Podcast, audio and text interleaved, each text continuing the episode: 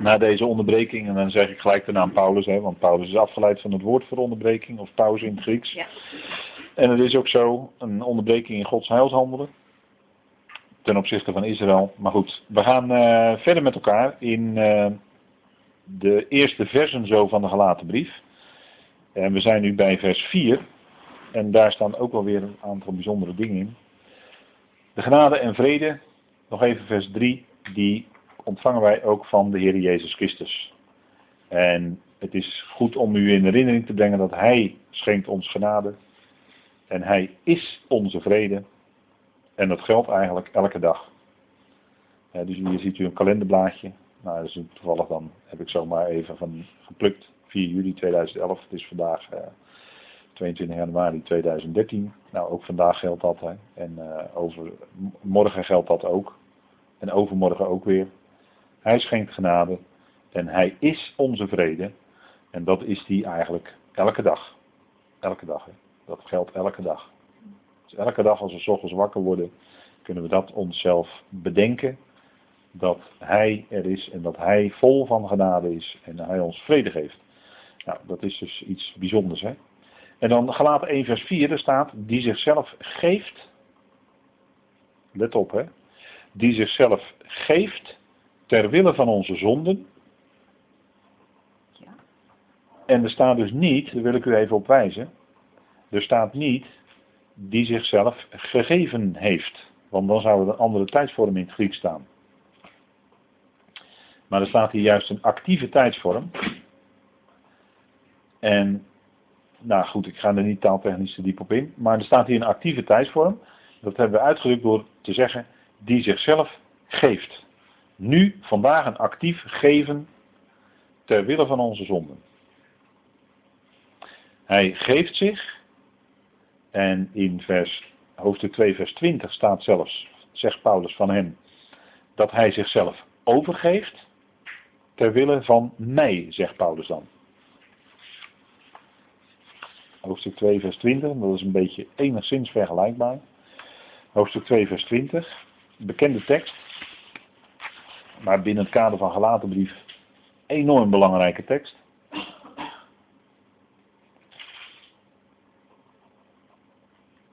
Er staat dat, dan zegt Paulus, en we gaan even niet verder er dieper op in, maar nu dan, zolang ik nog in het vlees leef, leef ik in het geloof van de Zoon van God, die mij lief heeft en zichzelf voor mij overgeeft.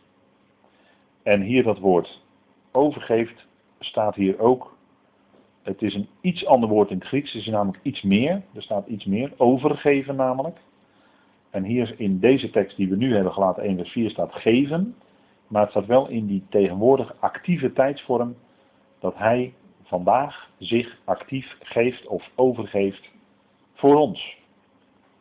Want als u zich afvraagt wat is het werk van Christus nu, dan lezen wij dat hier onder andere. Dat hij zichzelf geeft ter wille van onze zonde.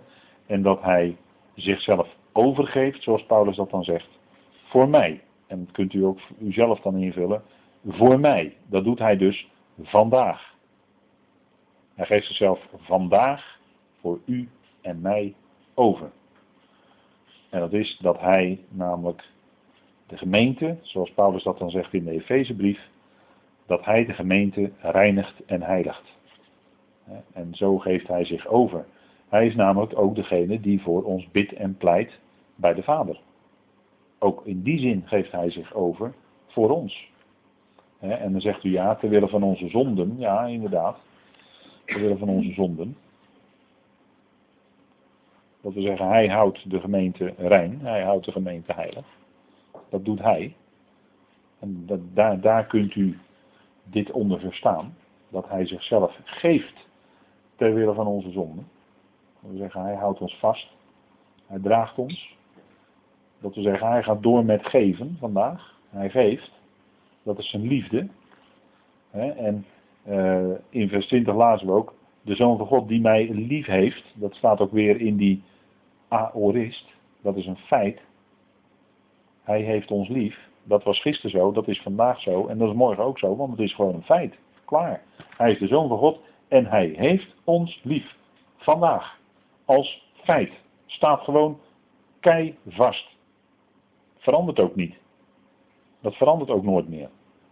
Hij heeft ons altijd lief. Dat is gewoon een feit. En liefde heeft nu eenmaal de eigenschap in zich dat liefde iets is wat geeft. Liefde geeft. Uh, Paulus zegt ook in, in hoofdstuk 5, uh, eh, dient elkaar door de liefde. Hoe kun je elkaar dienen? Door de liefde. Niet omdat jij die ander zo geweldig vindt en daarom wil dienen, nee, omdat die liefde van God in je hart is, daarom wil je dienen en bij gelegenheid die ander in het lichaam van Christus dienen. Dat is uh, vers 13 van Galaten 5. En dan hebben we het weer over die vrijheid. Hè? Staat in 5 vers 13. Want jullie werden tot vrijheid geroepen, broeders. Alleen niet de vrijheid tot aansporing voor het vlees. Maar dient, elka, dient door de liefde elkaar als slaaf. Dus hoe kun je dienen? Dat doe je door de liefde. Door de liefde van God. Agape. Dat is de gevende liefde die daar geen belang bij heeft. dat is iets wat, uh, ja, hoe moet je dat omschrijven? Dat is dat je iets doet bij gelegenheid voor de ander, maar dat is vanzelfsprekend. Dat is niet wat die ander, uh, dat is ook niet waardoor jij iets wil bereiken. Het is niets waardoor jij jezelf beter moet gaan voelen. Het is, niets, het is ook dan niet iets waardoor jij bij God kan zeggen, nou ik heb het toch wel goed gedaan, hè, God, vandaag, want ik heb die andere zussen zo gediend.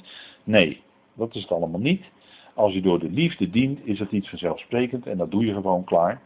Dat doe je gewoon klaar. Verder niks. Uh, dat is geen, geen, niet iets groots, niet iets kleins, maar het is gewoon simpelweg, eenvoudig. Dat is eigenlijk eenvoudig. Zo eenvoudig zou het eigenlijk kunnen zijn. en dat is iets wat we. Uh, kijk, met, met goede werken, er wordt wel eens nadruk gelegd op goede werken. Ja, als gelovige moet je goede werken doen.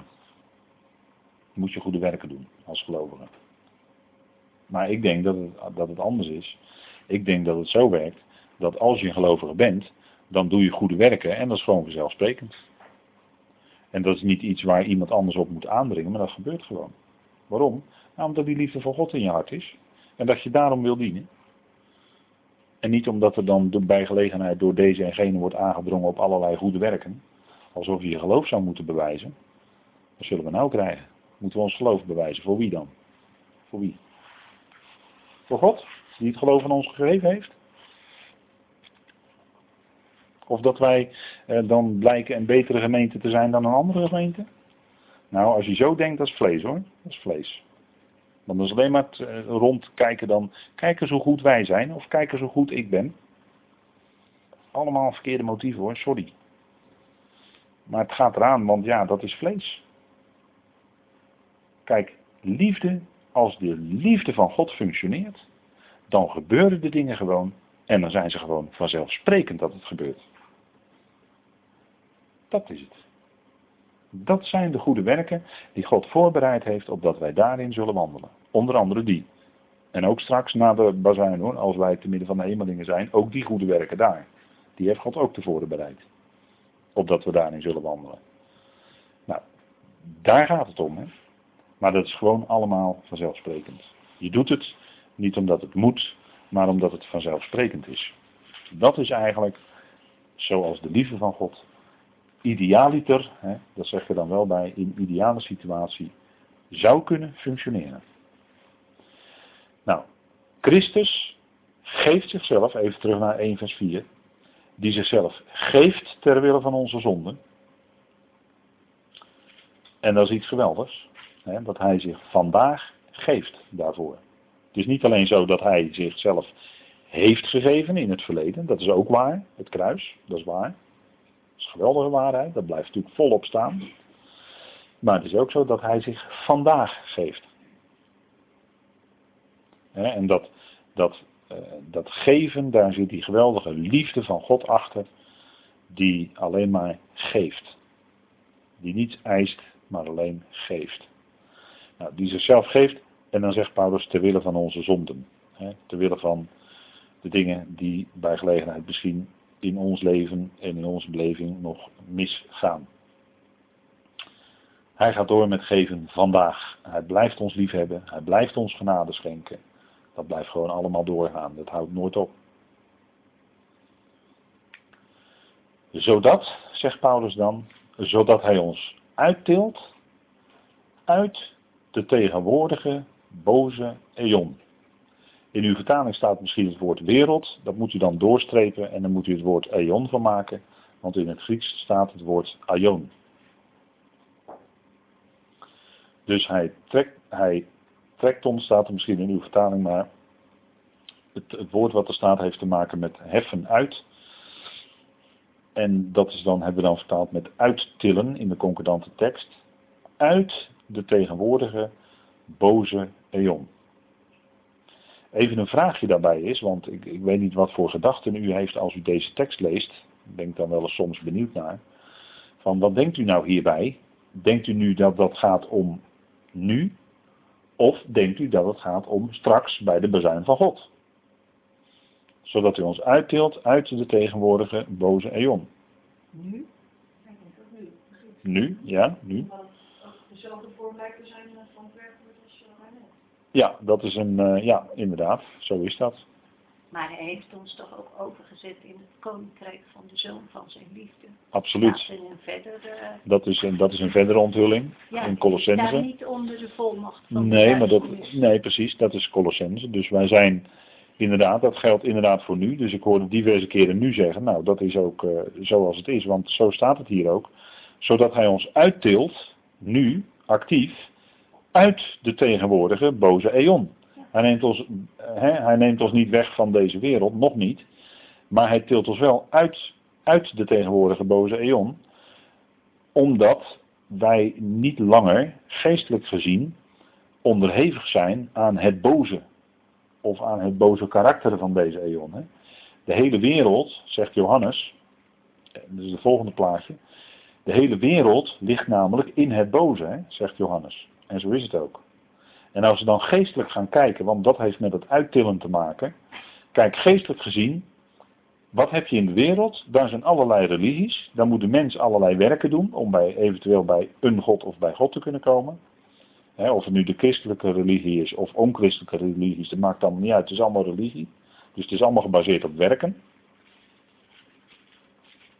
En dat is allemaal, dat heeft, uh, dat karakter is uh, de boze, want de boze zegt van je moet worden als God, dus daar moet je wel wat voor doen. Hè? Dat is het uh, heel, heel kort samengevat. de boodschap die de boze brengt en die zich bij gelegenheid voordoet als een boodschapper van het licht. Hè? Dan denken mensen het licht te hebben, maar ze beseffen niet in welke duisternis ze zich bevinden. En dus in de greep van het boze. Of de filosofieën van deze wereld, die ook allemaal zeggen van nou, eh, ja, heel diep nadenken, hoe zit alles in elkaar of hoe zit de mens in elkaar. En heel lang en heel diep nadenken en dan allerlei filosofieën op papier schrijven. En dan uiteindelijk kom je misschien als filosoof na 70, 80 of 90 jaar erachter dat je geen stap verder bent gekomen. Want zo is het. Met filosofie kom je geen stap verder. De filosoof denkt namelijk na over wat doen wij hier? Dat is de eerste vraag meestal. Hè? Wat doen wij hier? En waarom doen wij dat? Waar komen wij vandaan en waar gaan wij naartoe? Dat, uh, dat vraagt de filosoof zich allemaal af. En wij hebben het antwoord. Het antwoord is namelijk Christus. Dat is heel, heel simpel. Daar, kunnen wij, daar zijn we heel snel mee rond. Ook als het gaat om religie trouwens. Want het gaat niet om onze werken. Hallo zeg. Daar zijn we volop mee bezig in de gelaten brief. Gaat niet om onze werken, alsjeblieft. Kijk, en wat nou in de gelaten brief aan de hand is, loop ik een heel klein beetje vooruit op vers 6 tot en met 9. Je hebt namelijk heel veel christelijke en evangelische groepen. En wat vind je daar? Meestal een mix van geloof en werken. Dus dan is het niet alleen geloof, is het niet alleen genade, maar, wordt er dan bij gezegd, ja, dan komt het hè. Dan worden wij verondersteld ook daar iets aan toe te voegen. En dat daarmee doorkruis je dus de genade, want genade en werken sluiten elkaar uit. Romein 11 vers 6. Genade en werken sluiten elkaar uit. Geloof en werken sluiten elkaar uit. Romeinen 4. Degene die niet werkt, maar gelooft in hem die de goddeloze rechtvaardigt.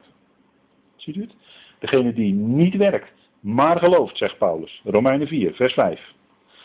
In hem die de goddeloze rechtvaardigt, die wordt zijn geloof gerekend tot gerechtigheid. Dus onmogelijk, je kan niet werken. Dus een keuze maken voor Jezus is niet aan de orde. Kan niet. Ik weet wel hoe het bedoeld wordt en ik weet wel dat het goed bedoeld wordt. Maar ook met goede bedoelingen erachter kun je verkeerde formuleringen gebruiken die verkeerde acties en verkeerd denken bij mensen oproepen. Met al je goede bedoelingen. Ja toch? Maar het is, hij heeft al lang voor de mens gekozen. Al lang. Het bewijs is al geleverd op Golgotha. Het werk is al volbracht. Het is volbracht. Dat is het hele evangelie. Het is volbracht. Wij, hoeven daar, wij kunnen daar niets aan toevoegen. En als je gelooft. En, en, en van daaruit, omdat die liefde van God in je hart is, komen er allerlei activiteiten tevoorschijn. Ja, dat zal best. Maar dat is geen toevoegen van werken. Dat is gewoon omdat het, die geest en dat, en dat, uh, dat geloof en die liefde, die werken gewoon in jouw hart. En die werken dat in jou uit. En dat werkt dan van binnen naar buiten. En, en, en, en we weten toch dat Paulus zegt, uh, hij is het die het willen en het werken in ons werkt. Filippenzen 2. Hij is het die het willen en, en het werken in ons werkt naar zijn welbehagen. En, en kijk, het, het punt is, niet dat ik er vervelend over wil doen, over die werken, maar het punt is bij wie die eer komt te liggen. Het gaat namelijk om de eer van God. Het is Hij die het willen en het werken in ons werkt. Let op, het werken dus ook. Hè? Want werken doen wij wel degelijk. Maar je moet de eer neerleggen waar die ook hoort te zijn, alleen bij God. Want dan, en ik weet wel dat het lastig is, want dan heb je zelf als mens niets meer. Je hebt geen enkele eer. Je kan je op geen enkel werk bedoelen, want je kan alleen maar zeggen: Ja, Heer, maar wat ik heb kunnen doen, heb ik alleen maar kunnen doen omdat u mij daarvoor de kracht gaf. Omdat u mij daarvoor, in mij, het willen en het werk heeft gelegd. Dat alleen maar. Dus dan heb je helemaal niets meer van jezelf, is er niets meer van jezelf over. En, en dat is de moeilijkheid, dat is de moeilijkheid bij de mens, vooral bij de religieuze mens, die, die graag zelf wat wil doen en zich graag zelf wat wil aanbrengen. Uh, dat is de moeilijkheid en dat, daarvan zegt Paulus ook in, in Galaten 5. Dat is de aanstoot van het kruis.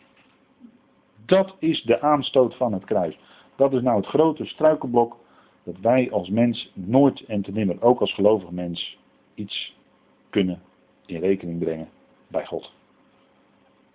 En, en daar, gaat het, daar gaat het in feite allemaal om. Hè? En daarvan zijn wij verlost. Daar worden wij uitgetild. Bij, uit al dat denken, zou je kunnen zeggen, uit al dat geestelijke denken ook, worden wij uitgetild, zegt Paulus. Want dat hoort in, in karakter eigenlijk allemaal bij de tegenwoordige boze eon. Het is allemaal, want het blijkt allemaal, hè, als je het daarop gaat bouwen, blijkt het allemaal drijfzand te zijn. Als je het gaat bouwen op werken en, en doen en, en noem maar op. Kijk, en dat uittillen uit de tegenwoordige boze eon, en dat, dat is dus nu, dat is voor ons nu, vandaag, is in overeenstemming met de wil van onze God en Vader. Dat is dus die wil van God, dat wij uitgetild worden uit deze boze eon. En denk erom dat deze eon boos is in karakter en dat we vandaag leven in de culminering daarvan. En ik denk dat u dat allemaal genoeg, er genoeg van weet, hè, om dat te onderstrepen. Nou, als we, hè, als we heel even nadenken over wil van God, wat, wat wil God? Nou, dat alle mensen gered worden en tot erkenning van de waarheid komen. Dat is ook de wil van God. En, en dat het vandaag niet zo is, dat veel mensen vandaag die waarheid niet erkennen. En nog niet in die redding leven zoals wij dat mogen doen. Dat is waar. Maar het neemt niet weg dat wat hier staat wel gaat gebeuren. Alle mensen worden wel gered hoor. God is de redder van alle mensen. En zij zullen tot erkenning van de waarheid komen. Allemaal. Niet eentje uitgezonderd. Kijk, dat is de wil van God. En, en de mens kan eraan trekken wat hij wil en er tegen ingaan wat hij wil. Maar het zal eens gebeuren. Want het is de wil van God, klaar. En want onze God en Vader is liefde, en dat hebben we ook zondag gehoord, en hij doet alles samenwerken ten goede voor ons. Dat is zijn liefde. Dat zullen wij ook gaan beseffen, steeds meer. En, en dat is ook als ons lijden treft of als ons akelige dingen overkomen, kunnen wij dit beseffen, dat Hij alles doet samenwerken ten goede voor ons. Hij werkt ermee uit wat naar zijn plan is. En dat is altijd het beste. Hij overziet de hele weg. Hij weet wat uiteindelijk het ultieme goede is voor ons, voor alle gelovigen. En, en voor, uiteindelijk ook voor alle mensen. Want uiteindelijk geldt dit gewoon voor alle mensen. Maar wij beseffen dit nu het eerst. Hè? Hij doet alles samenwerken ten goede voor ons. Zelfs ook in deze boze eon. Hè? Dat is eigenlijk ongelooflijk. En, en we worden uitgetild uit deze boze eon. We komen los van de tijdgeest. We worden verlost van religie. En we zijn gekruisigd voor de wereld, zegt Paulus in uh, Galaten 6. Hè? En de wereld voor ons. Het is vice versa. Gekruisigd voor de wereld en de wereld voor ons. En we zijn niet onder de wet, maar onder de genade. En dat is wat uh, steeds aan de hand is. Hè? En dan komt Paulus natuurlijk met de lofprijzing aan wie de heerlijkheid is in de eonen van de eonen. En dan zien we de vijf eonen hè, die we kunnen onderkennen in de schrift. Als u leest, dan kom je er vijf tegen. Vijf grote tijdperken zou je kunnen zeggen. Voor eonische tijden, dat wordt in de schrift genoemd. De vijf eonen kunnen wij terugvinden in de schrift. En er zal ook een tijd zijn, maar dan spreken we al niet meer over tijd. Maar na de eonen, dan kun je niet meer spreken over tijd, want dat is uh, dan voorbij. En de, die bijzondere uitdrukking, de eonen van de eonen, dat zijn de laatste twee. Hè? We hebben vijf eonen en de laatste twee daarin komt zeg maar het goede van God naar voren. En dan zal dat ook de vrucht zijn van de eerste drie eonen. Wat in die laatste twee allemaal gaat, gaat komen. En die laatste zullen dan natuurlijk ook afgesloten worden. Het plan zal afgesloten worden. Als God alles in alle wordt. En dan breekt de eeuwigheid aan, de echte eeuwigheid. Na de eonen. Hè? Nou, en aan God is de heerlijkheid in de eonen van de eonen en daarna natuurlijk nog in optima forma. De heerlijkheid is de vrucht. We kennen dat begrip wel uit het Hebreeuws, hè, kabot. Er werd ook in de Bijbel iemand, werd er ikabot genoemd, hè, weet u wel. Ikabot, de heerlijkheid was weg.